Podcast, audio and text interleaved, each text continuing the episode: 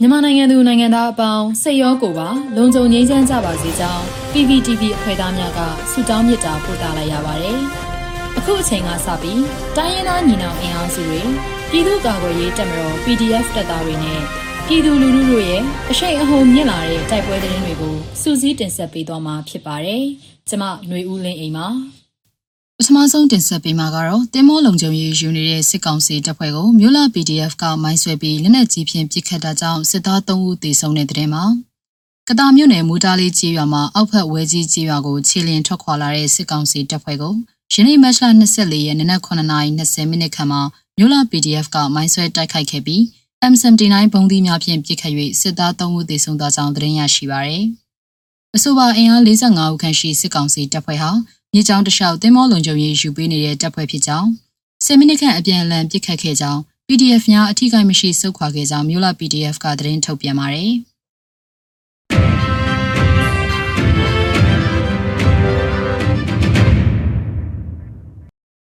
ဆက်လက်ပြီးကရင်ပြည်နယ်မှာမတ်လတတရပတ်အတွင်းတိုက်ပွဲများတွင်စစ်ကောင်စီစစ်သား9ဦးထပ်မံတေဆုံးတဲ့တဲ့တင်ကိုတင်ဆက်ပေးမှာပါ။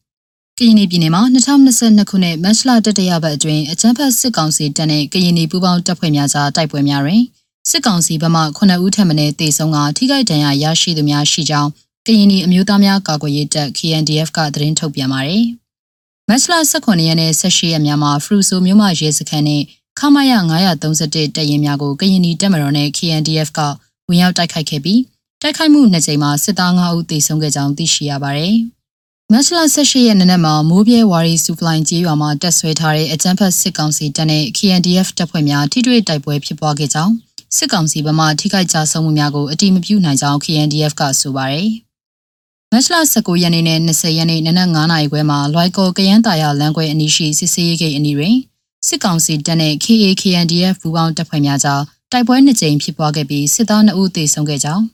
မတ်လ21ရက်ညနေ6နာရီမှာ ရိုက်ကော်လွယ်တမှုကျေးရွာအနီးမှာလည်းတိုက်ပွဲဖြစ်ပွားကြောင်းမတ်လ22ရက်ည8နာရီမှာနမ်းမယ်ခုံနတ်ဆန်ခန်းကျေးရွာကိုစစ်ကြောင်းထိုးလာတဲ့စစ်ကောင်စီတပ်ဖွဲ့ကို KNDF ကပျောက်ကြားတိုက်ခိုက်ရာစစ်ကောင်စီဘက်မှထိခိုက်မှုများရှိကြောင်း KNDF ကထုတ်ပြန်ပါတယ်။စစ်ကောင်စီရဲ့တမ66စစ်ကြောင်းဟာဒီမော့ဆိုမြို့နယ်နောင်ပလဲနဲ့စုဘောသေးကြီးရွာများကိုရောက်ရှိလာပြီးတာဝေးပြည့်အမြောက်များဒုံများဖြင့်တိုက်ခိုက်မှုများအပြင်တပ်အင်အားဖြည့်တင်းလျက်ရှိကြောင်း KNDF ကယနေ့သတင်းထုတ်ပြန်ပါတယ်။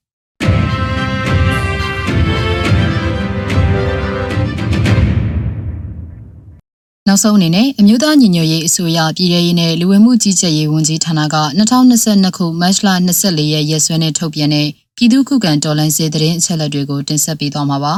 ။အာနာသိန်းအကြမ်းဖက်စေအုပ်စုရဲ့ပြည်သူလူထုအပေါ်အကြမ်းဖက်ဖိနှိပ်ဖန်ဆီးတိုက်ခိုက်တပ်ဖြတ်နေမှုတွေကိုပြည်သူလူထုတရက်လုံးကအသက်ရှင်တန်ရေးအတွက်မိမိကိုယ်ကိုမိမိခုခံကာကွယ်ပိုင်ခွင့်အရာ